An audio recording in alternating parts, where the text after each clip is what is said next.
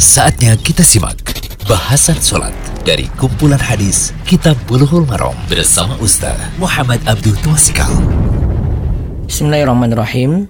Alhamdulillah, salatu wassalamu ala rasulillah wa ala alihi wa man tabi'ahum bi ihsan ila yaumiddin. Allahumma anfa'na bima alamtana wa alimna ma yanfa'una wa zidna ilma. Uh, puji syukur kita panjatkan pada Allah.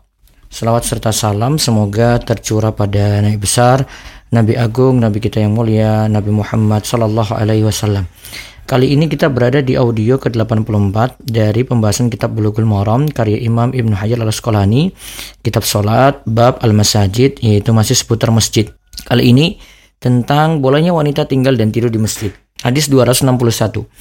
Wa anha anna walidatan sauda kana laha khiba'un fil masjid fakana ta'tini fatahaddasu indi al-hadis muttafaqun alaih. Dari Aisyah radhiyallahu anha, sesungguhnya ada seorang budak perempuan hitam mempunyai tenda di dalam masjid. Tendanya di dalam masjid ya. Ia sering datang kepadaku dan bercakap-cakap kepadaku. Al-hadis muttafaqun alaih. Hadis ini riwayat Bukhari dan riwayat Muslim itu dianggap oleh Imam Ibnu Hajar. Baik, kesimpulannya adalah hadis ini, faedah hadisnya yang pertama hadisnya jadi dalil bolehnya wanita tinggal dan tidur di masjid karena wanita ini memiliki tenda di masjid untuk tinggal dan tidur di dalamnya. Yang kedua, hendaklah menjaga wanita yang tinggal dan tidur di masjid dari berbagai godaan padanya. Karena resiko ya kalau dia tinggal di situ ada orang-orang luar laki-laki terutama bisa mengganggu dia gitu ya.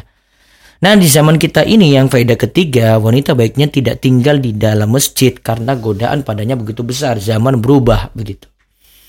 Pertanyaannya, apakah hadis ini jadi dalil wanita itu saat haid boleh masuk masjid?